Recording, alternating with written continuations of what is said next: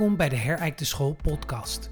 Mijn naam is Frank van den Ende en in deze podcast ga ik op zoek naar mooie verhalen over leren en het onderwijs. In deze aflevering spreek ik met Gertie Verrek. Gertie is directeur bij het Brein Centraal Leren Instituut en schreef samen met Gerjanne Dirksen en Theo Compernolle het boek Van Brokkelbrein naar Focus. Wat een brokkelbrein precies is en wat je eraan kunt doen, bespreek ik met haar in deze aflevering.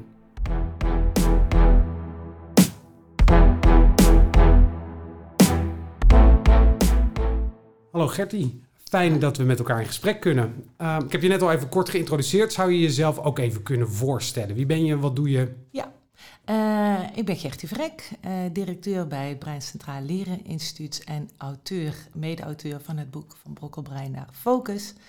Um, en ik geef heel graag trainingen, workshops en lezingen over die fascinerende werking van ons brein en wat je daar in de praktijk mee kan. Waar komt, waar komt die fascinatie vandaan bij jou voor het brein? Um, nou, waar die fascinatie ontstaan is, is in ieder geval. Um, ik heb lang gewerkt bij Tata Steel, mm. opleiden, uh, bedrijfsschool daar. En wat ik daar zag, is dat breinkennis enorm goed toepasbaar is en dat eigenlijk iedereen dat kan pakken. Mm. En dat vond ik heel erg mooi om te zien, dat uh, die breinkennis zo toegankelijk is om voor jezelf eens na te denken van, hey, kan dit anders, kan dit effectiever, kan dit leuker, manieren van leren, maar ook het coachen, het begeleiden van mensen. Dus vooral die toepasbaarheid, die, die fascinerende werking van het brein en dan de toepasbaarheid daarvan. Uh, en dat mensen daar daadwerkelijk uh, uh, geïnspireerd door raken, mm. dat vind ik heel mooi.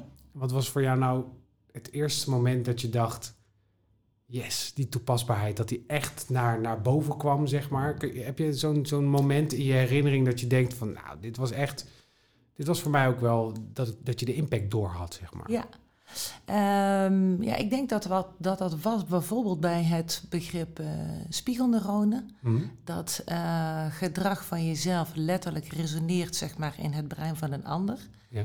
Uh, om dat te laten ervaren. En dat nou ja, voor mensen in welke voorbeeldrol dan ook, of je nou docent bent of leidinggevende, te zien van wat kan die impact zijn. En ook te voelen van hoe zou dat anders kunnen. En hoe kan ik daardoor alleen al mijn eigen gedrag anders neer te zetten. Uh, hoe kan ik daardoor mensen meer meenemen? Mooi. Dat vond ik een hele mooie. Ja, ja. spiegelneuronen. Ja. Ja, volgens mij niet iedereen zich altijd even bewust van, toch? Van die spiegelneuronen. Uh, is, um, is zich iedereen daar bewust van? Um, nou, in ieder geval, kijk, voorbeeldgedrag, dat weten we wel. Het, je weet denk ik ook, uh, ouders weten wel dat op het moment dat je zelf uh, snoep pakt, dat het heel erg lastig is om tegen je kind te mm. zeggen, dat mag niet. Ja. Um, dus ergens weten mensen dat wel. Maar wel heel mooi om te zien dat je dat letterlijk in het brein kan zien. Dat het eigenlijk niet zo heel veel uitmaakt of jij het doet. Mm. Uh, maar dat de, bij de ander precies hetzelfde in het brein gebeurt. Ja. En dat vind ik wel een mooie eye-opener om, nou ja, uh, om, om gedrag soms eens anders neer te zetten. Als we dan naar het onderwijs kijken, hè, denk je dat daar genoeg gebruik van gemaakt wordt nu? Of kijk, het, het moddelen, hè, dat is eigenlijk iets wat je, wat je al veel in het onderwijs terugziet. Maar ja. denk je dat de docenten zich daar over het algemeen genoeg bewust van zijn dat, ja, van de werking van ja. de spiegelneuronen? Nee, ik heb bij dit boek de kans gehad ook om heel veel adolescenten te uh, interviewen ja. en te vragen. En daarin zag ik wel, uh, daar hoorde ik wel situaties waarvan ik dacht van ja, dat heb je misschien niet altijd door. Mm. Als je bijvoorbeeld kijkt naar social media uh, en je bent uh, aan het surveilleren bij tentamens, kan ik me voorstellen dat dat een hele saaie taak is. Maar op het moment dat jij dan op je mobiel zit, om het mm. zo maar even te zeggen, dan wordt het echt wel wat lastiger om in je eigen klaslokaal daar heel strak op te zijn. Ja. en zo ervaren, ervaart je doelgroep dat ook. Dus ik denk, uh, nou, ik, uh, ik zie heel veel hele goede onderwijsprofessionals. Maar het bewustzijn van, hey, wat ge, wat, hoe ziet mijn gedrag eruit?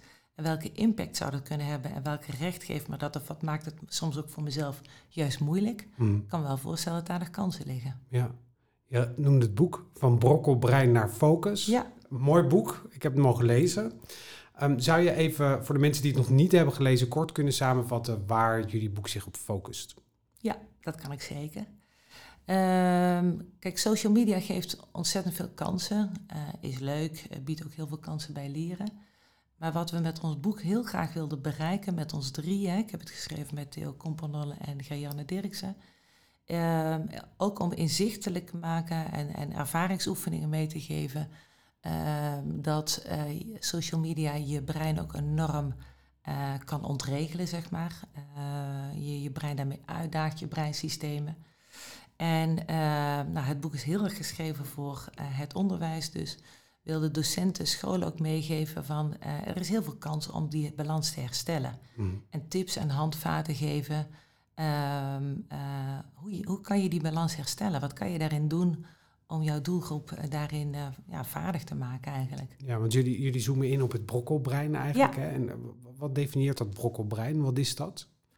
Uh, dat brokkelbrein is eigenlijk een brein wat, en ik denk dat we het zelf ook heel sterk herkennen, dat doordat we heel veel uh, multitasken, heel veel aandacht versnipperen, um, dat dat iets doet met onze efficiëntie, dat dat iets doet met onze onrust, met onze overprikkeling zeg maar, van ons mm. brein.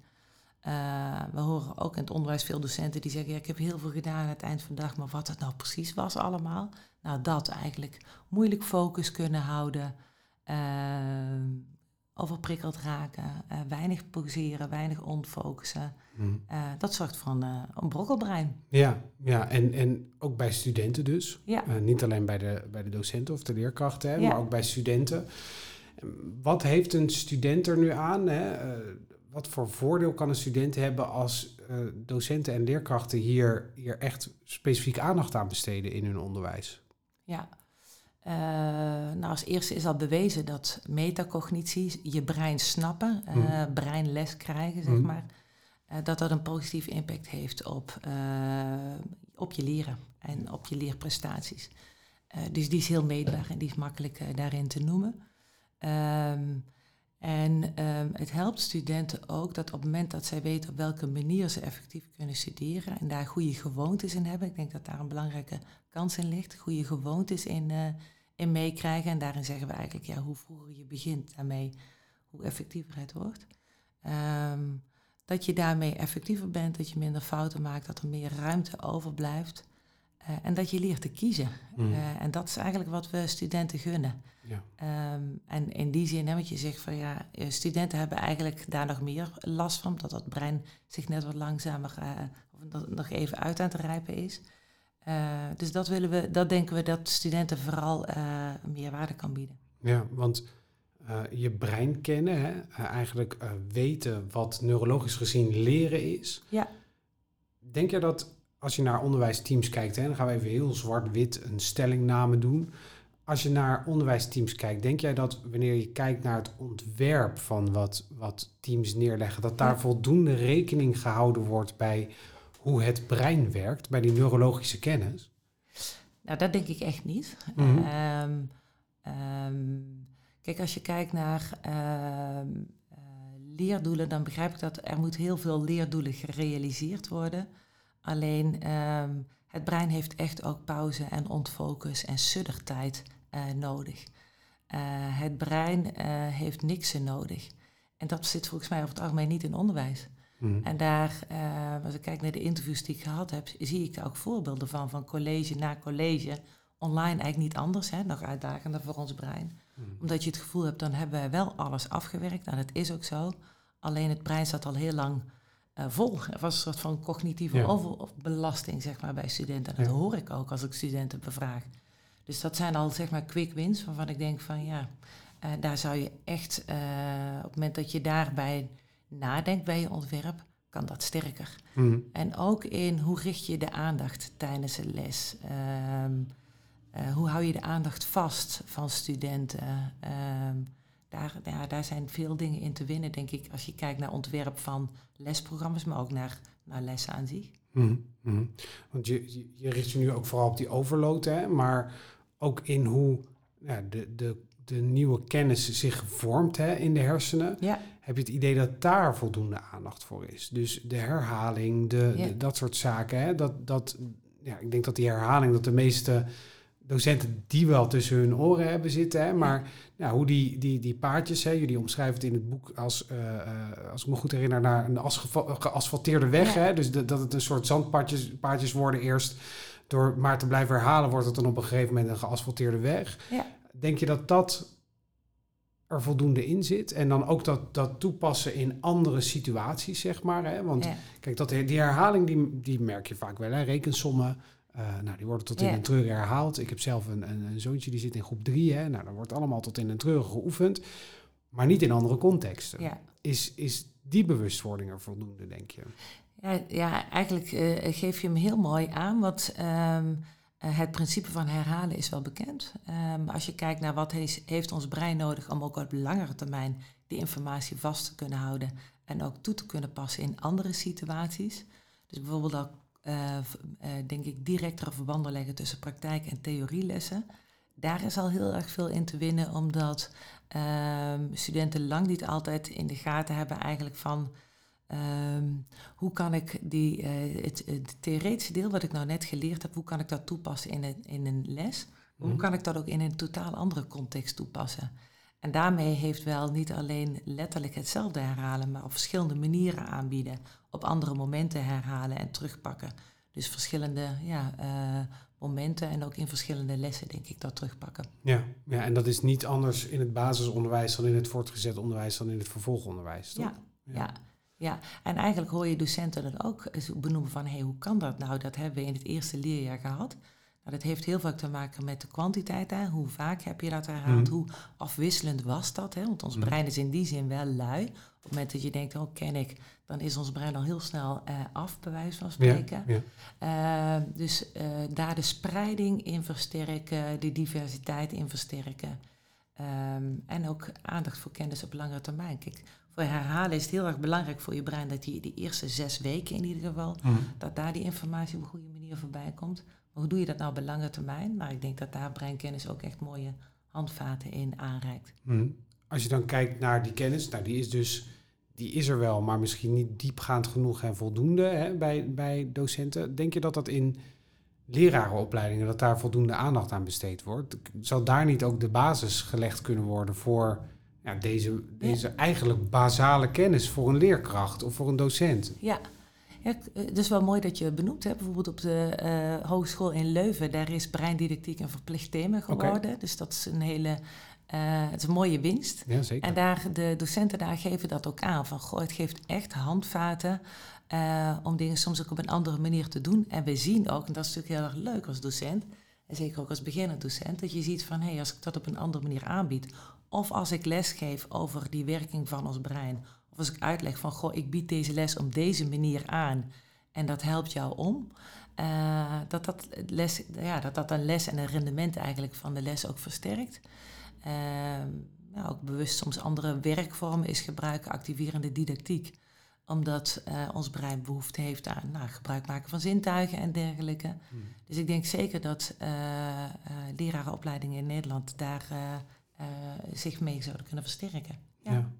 Nou, wat ik heel mooi vond aan, aan jullie boek, hè, is toen ik het las, uh, het is heel beeldend, het spreekt heel erg uh, naar de praktijk. Hè, dus je kunt heel duidelijk ook gelijk de vertaling naar je eigen praktijk maken. En bij mij kwam eigenlijk de bewustwording. Uh, we zitten, nu we dit gesprek hebben, net voor de zomervakantie. Ja. En uh, ja, na de zomervakantie begin ik met een nieuwe groep. En ja. eigenlijk wil ik in die eerste weken vooral aandacht gaan besteden in hey jongens, hoe werkt dat nou eigenlijk bij jullie? Hoe, hoe, zit dat nou eigenlijk onder die hersenpan van je? En het is eigenlijk jammer, ik, ik werk dan in het mbo, hè, het is eigenlijk jammer dat zij pas op 17-jarige leeftijd die kennis tot zich krijgen. Want ja, als zij dat hadden geweten wanneer ze nou, 12 waren of 10 waren, hè, hadden ze misschien hun middelbare schoolperiode heel anders kunnen doorlopen. Ja, uh, klopt, dat is ook zo. Hè? We, we, hebben best veel mensen ook uit het basisonderwijs uh, gesproken. En die geven ook aan van eigenlijk helpt het op het moment dat die smartphone in beeld komt, en dat is eigenlijk steeds eerder, hmm. dat het dan uh, helpt om aandacht te besteden aan wat gebeurt er op zo'n smartphone. Hè? Welke hmm. informatie vind je er ook, maar ook hoe ga je ermee om? En hoe train je jezelf nu al? En kijk, bij iedere overgang is dat een prachtig moment. Hè? Op de een of andere manier werkt dat ook heel goed voor het brein om weer in een nieuwe context ook weer met juist die informatie en nieuwe gewoontes aan de slag te gaan. Hmm. Dus iedere overgang, of dat nou is van basisschool naar middelbare school of naar MBO naar een nieuwe leerjaar, ligt heel veel kans om studenten erin uh, te verwerken. Ja. Maar eigenlijk ook wat uit diverse onderzoeken blijkt, is hoe vroeger je goede gewoontes creëert, hoe makkelijker het is om bijvoorbeeld focus, wat eigenlijk die volgehouden denkaandacht, om die uh, in te zetten in, uh, in iedere vervolgopleiding, zeg maar. Ja, mooi, want je refereert naar die smartphone, hè? Daar, komt het, daar komt het in het boek, gaat het daar ook, ook veel over. Um, we zien nu op scholen heel veel telefoontassen hangen. Ja. Begrip ken je waarschijnlijk, hè? Allemaal van die tassen met van die vakjes erin. Ja, ik vind het zelf een gruwel. Uh, omdat ik altijd, ik refereer altijd naar, uh, het is net alsof je uh, voor een alcoholist even de fles achter slot en grendel zet. en daarna hou je hem weer van, van het slot af. Want op het moment dat ik op de A2 rij, of op welke snelweg dan ook, en ik zit op de linkerbaan en ik kijk naar rechts, dan zie ik allemaal jongeren in de leeftijd tussen de, de 18 en de, en de, de, de 30. Ja zie ik allemaal al rijdend op hun smartphone kijken. Dus zij hebben nooit geleerd om, om die prikkel zeg maar uit te schakelen. Terwijl ik denk dat wij daar als onderwijs een hele belangrijke rol in hebben. Ja. Nou, en volgens mij onderstreep, onderstrepen jullie die strekking ook wel. Klopt. En ehm, we zien eigenlijk wel in beide kansen. Want als je kijkt naar verleidingen, helpt het ook als ze niet in de buurt zijn. Mhm. En zeker bij het hele jongere brein, hè, dus bijvoorbeeld bij uh, basisonderwijs, waar ook heel vaak het beleid is van nou, dat ding mag niet mee naar school. Maar ook in een beginperiode van de middelbare school helpt het wel. Op het moment dat die verleiding en prikkel er niet is, is er meer focus. Uh, dat ontsluit je niet van de uh, plicht, denk ik, als school, om wel te gaan trainen. En dan op een gegeven moment te gaan benoemen van oké, wij willen je daar wat meer verantwoordelijkheid mee geven. Hoe ga je daar nou mee om? En bij wijze van spreken ook op een leuke manier. Competitie-elementen inzitten in van hoe, zorg je dat die focus er even goed blijft? Hoe bij wijze van spreken ook soms misschien een tips vragen aan de studenten. Van hoe zorg je ervoor dat die, dat die focus en aandacht er is? Daar willen we graag, hè, daar geven we ook een heel aantal tips en handvaten in. Maar ik denk het trainen van goede gewoontes, hè, in het begin misschien zorgen dat die verleidingen niet zijn, maar wel uh, studenten ook meenemen. Uh, in hoe doe je dat nou op het moment dat je wat ouder wordt, hoe kan je dat zelf doen en hoe doe je dat thuis? Uh, hoe zorg je dan voor focus en hoe zorg je er dan voor dat die even ook weg is, waardoor je echt gericht kan studeren? Want je hebt het nu over het onderwijs, hè, de rol die zij spelen, maar ouders hebben natuurlijk ook een, een hele belangrijke rol daarin. En hoe ga je om met zo'n ja. apparaat, et cetera? Hoe, hoe, kunnen scholen en ouders daarin het beste optrekken volgens jou? Um, nou, ik denk dat het als school ook helpt om op oude momenten of informatiemomenten er iets over te vertellen. Hmm. Van hé, hey, wij zijn daar als school mee bezig en het helpt of het geeft handvaten geven eigenlijk aan ouders van ehm, eh, ook over een stuk kennis van hey, welke impact en hoe zou je dat kunnen doen. Ehm, omdat die situatie natuurlijk bij elkaar hoort. Hmm. Um, wij geven zelf ook wel eens ouderavonden en we zien ook wel van Ehm, dat het eye-openers kan geven. En dat ehm, eh, ouders zelf vaak ook het gevoel hebben van, nou, als je bijvoorbeeld kijkt naar voorbeeldgedrag, um, dan laten we in ons boek ook zien, veel ouders uh, gaan daar zelf niet op een goede manier mee om. Ja. En dan wordt het ook lastig aanspreken. Van hoe kan je, nou, hoe kan je dat nou met en een goede sfeer thuis zijn? Ik denk dat dat, ouders willen dat natuurlijk ook. Je wil er geen gevecht over, maar hoe ziet dan je eigen gedrag erin uit? En mhm. hoe trek je daar in de school en thuissituaties samen op? Ja. Juist. Eigenlijk is het inderdaad, moeten de ouders ook leren hoe ze ermee omgaan. Ja. Kijk, wat wij aangeven is voor de adolescent is alles nog extra moeilijk. En dat heeft te maken met de uitrijping van ons brein. En mhm. waarom hè, die groep nog zo aantrekkelijk is. En uh, die, die likes bij wijze van spreken nog veel heftiger zijn. Uh, maar voor, uh, nou, we hebben nu een, een, aantal workshops gehad met docenten. Die geven eigenlijk aan voor, voor, voor onszelf en voor, ouder, en voor mijzelf in een ouderrol die overprikkeling is er ook. Ik heb zelf ook de neiging, ik weet dat het niet slim is om in de auto op mijn mobiel te kijken, maar op het moment dat ik een stoplicht, voor een stoplicht sta, doe ik het al heel snel. Dus daar speelt die uitdaging, hè? daar is dat reflexbrein of die, die prikkel, die reflex uh, net zo sterk. Ja, ja, klopt. Herken ik ook van mezelf, moet ik eerlijk toegeven. Ja. Um, jullie hebben verschillende mensen gesproken voor het boek. Um, wat is een van de gesprekken die jou, jou het meeste uh, is bijgebleven, die in het boek is teruggekomen? Wat jou ook weer nieuwe inzichten gaf? Nou, ik heb, nou, dat, is lastig doseren, want ik heb echt heel veel mensen gesproken van ik dacht, goh, wat een prachtige voorbeeld. Wat doe je dat mooi, wat doe je dat goed. Uh, nou, een van die voorbeelden is sowieso uh, Lynn Singer, dat is een docent uh, op het Saxion. Ehm, die heeft veel lessen, colleges aan het eind van de dag. Die is gaan werken met klankschalen. Uh, echt ontfocusmomenten voordat ze in gesprek ging, voordat ze les uh, ging geven. En in het begin was het even wennen. Uh, maar op, een gegeven moment gaven studenten aan van, oh, het is echt een rustmoment waar we hier komen. En we voelen gewoon dat ondanks dat het al vier uur is, dat we even die rust hebben gehad. Mhm.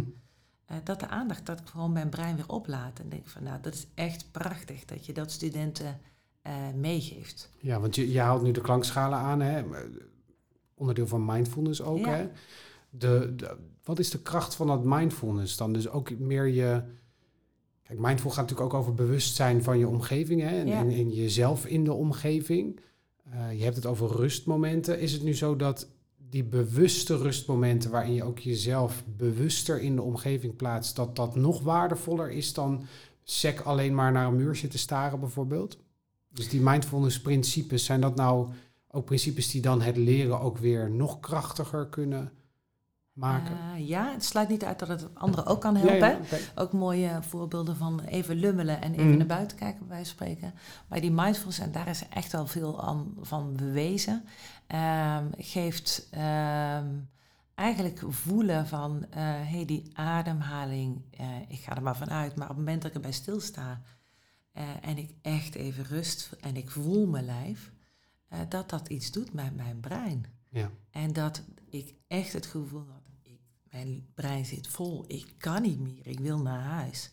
En dat als je dat voelt en als je dat traint, en op een gegeven moment is bijna, ik kom graag naar jouw les, mm. want daar gaan we dat doen. En dan voel ik bijna weer, er is toch nog ruimte. Het zat niet alleen maar vol. Ja. Nou, dat is denk ik iets uh, prachtigs. En een ander gesprek wat me heel erg is bijgebleven, is met uh, studenten aan de leerlingen van het Calvijn College. Die hebben een smartphone uh, vrij beleid. Ehm, toen ze dat introduceerden, gingen uh, nou, de leerlingen bijna op de barricades. Hè, van jeetje, dat is niet te doen. Ehm, maar dat, het, dat je het ook weer uh, anders kunt, uh, dat je gewoontes ook weer opnieuw kunt inregelen, zeg maar. Hè. Dus mhm. leerlingen die gesproken hebben, die zeiden van nou, het is echt niet te doen. En die zeiden, het is wel prima te doen. En als je met elkaar doet, is het ook prima te doen. En het was weer leuker op school. Want niet iedereen loopt scrollend door die gangen heen. En de pingpongtafels worden echt weer gebruikt. Ja. Um, dus, eh, en ik denk wat heel mooi is, uh, los van je beleid, is dat je kan ervaren, het kan ook anders. Het valt eigenlijk ook wel mee. Dus ik ben eigenlijk nog prima te trainen en het doet ook wel iets positiefs met me. Maar het is natuurlijk heel stoer dat zo'n school zo'n keuze maakt. Hè? Ja. Waarom doet niet iedere school dat? in ieder geval in het voortgezet onderwijs. Laten we daar even. Kijk, in het basisonderwijs gebeurt het al, al vaker, denk ik. Ja. Hè? Eh, in het hoger onderwijs uh, hebben we natuurlijk nou, met een wat oudere populatie te maken. Ja. Wat denk jij dat andere scholen ertoe ervan weerhoudt om een dergelijke keuze te maken? Um, nou, ene kwaad hoort erbij. Um, uh, bijvoorbeeld bij het Calvijn College gingen ook een aantal docenten op, uh, op de barricade. Dat betekent ook iets voor jou dan. Hè? Uh, en wat je net al aangaf, ja, ik vind het ook plezierig om tussendoor, maar dat kan dan ook niet meer. Hè? Dus, dus het betekent nogal veel. Uh, smartphones worden natuurlijk ook best veel gebruikt, Kahoots en dergelijke. Dus nou, hmm. veel ruimte willen geven aan de autonomie van een docent. Um, en daar kan ik me ook van alles bij voorstellen. Ik denk dat er ook een aantal misvattingen zijn. En die heb ik zowel op middelbare school als in het beroepsonderwijs gehoord. Hè, van bij beroepsonderwijs, nou, leerlingen kiezen voor deze richting. Dus ze zijn gefocust en hebben geen last van die verleiding. Okay. Dus ze kunnen ermee omgaan. Maar hmm. ik denk dat dat niet zo uh, is. Of ja, eigenlijk is het wel dat dat niet zo is. Of bijvoorbeeld bij een middelbare school, nou, uh, leerlingen op, op HAVO of VWO-niveau, die kunnen dat zelf ook wel. Okay. En daar heb ik voldoende studenten van gezien, dat is niet zo. Want die verleidingen gelden voor mij net zo hard. Ook al vind ik het een leuke studierichting, bij wijze van spreken. Ja, ja. ja, Dus ik denk dat het met dat, ja, dat soort elementen te maken heeft. Is daar dan niet iets van... Kijk, we zijn heel goed in Nederland om beleid te maken hè, op allerlei zaken. Ook om de ontwikkeling van onze, uh, ja, onze jongeren zeg maar, zo goed mogelijk te beschermen. Ja. Um, als je dan kijkt, jullie, jullie hebben hier echt goed in verdiept. Hè? Zou er iets van beleid moeten komen? Zouden jullie pleiten voor een vorm van beleid? Of is het alleen maar de bewustwording? Hè? Dus dat elke school uh, nou ja, in, in de burgerschaps- of maatschappijleerlessen of, of mentorlessen hier bewustzijnslessen aan Wat zou nou, stel je zit op die stoel van de minister, hè? Wat, wat, zou dan, wat zou dan een, een tip zijn die jij influistert? Ja, ik denk wel dat beleid helpt. Mm. zonder het in beton te gieten. Ehm, maar op het moment dat je kijkt naar de gebruiksaanwijzing van ons brein en het feit dat eigenlijk iedereen roept, we zijn daar een beetje de weg in kwijtgeraakt. Mm. Die ontwikkeling is veel harder gegaan dan wij zelf in de gaten hadden. Vier van de vijf leerlingen zegt zelf ook, ik zit te lang op social media, ik weet het, maar ik weet niet anders of ik weet niet hoe. Uh, dus dat je jongvolwassenen een stuk gaat beschermen of daarin gaat trainen, dat is belangrijk. En ik denk ook voor hele jonge kinderen dat je er paal en perk aan moet gaan stellen. En of je dat nou bij een telefoontas doet, mm. uh, maar het blijkt dat de verleiding al de aandacht verstoort. En dan denk ik, ja, dan, dan heb je daar dus wel iets in te doen. Ja. Dus ik zou wel pleiten inderdaad om op nou, het begin van zo'n middelbare schoolleeftijd daar echt wel afspraken over te maken. Ehm, vervolgens echt iets te gaan doen aan die training, uh, bij wijze van spreken, en daar uh, beleid of in ieder geval echt op in te zetten. Ehm, en wat ik ook wel hoor, ook eigenlijk voor het welzijn van docenten.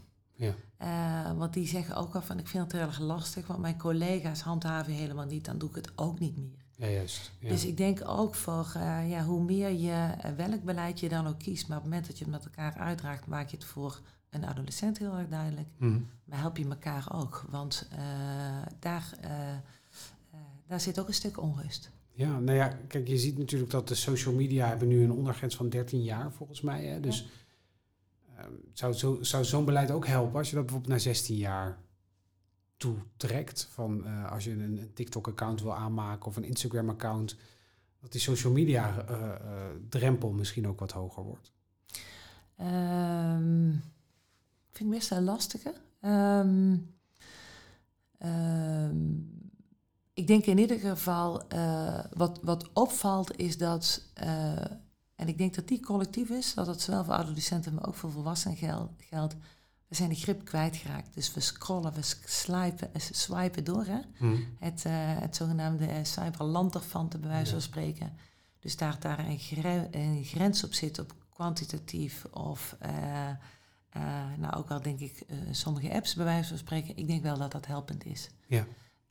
Um, en of dat nou van 13 naar 16 vind ik best lastig, maar in ieder geval uh, hoe, hoe, sneller je begint met in ieder geval het kader plaatsen, ik denk dat dat, dat, dat, dat zou helpen. Ja. Als er nu mensen luisteren die denken van nou, uh, ik ga hiermee aan de slag, kunnen ze natuurlijk het boek uh, aanschaffen. Hè? Maar zou je ze ook al, al, al nou, twee, drie tips kunnen geven wat ze nu al eigenlijk vandaag of morgen zouden kunnen inzetten in hun, in hun lessen? In een les, ja. Um, waar, waar, heel veel winst te behalen is, zijn micropauzes. Hele korte pauzes, uh, waardoor het brein zich weer uh, oplaadt. En dan bedoel ik niet een pauze met, uh, met op je smartphone, maar echt even, nou, of het een rekken strekken of mindfulness, wat dan ook. Dus ben niet te bang dat je je doelen niet haalt omdat je een pauzemoment, maar ben er maar, hè, probeer dan naar te kijken van het rendement van je les versterkt daarmee. die helpt heel erg. Um, ik denk ja, wisselkosten. Dus um, verminderen dus aandachtsblokken. Waarbij je je structuur ook helder meegeeft. Hè, van het komende kwartier hebben wij het over. Daarna doen wij dat. Uh, om de wisselkosten eigenlijk in een les. Want daar uh, nou, is veel in bekend. Dat vraagt veel van leerlingen. Dus werk met aandachtsblokken. Dat is er denk ik een hele belangrijke in. Um, en vertel iets over die werking van, de, van dat brein. Zelfs al is het heel kort. Uh, laat leerlingen eens even ervaren wat dat switch task, hè, wat dat schakelen iedere keer doet. Uh, nou, ik denk dat daar ook veel te winnen is. Ja, mooie tips, dankjewel.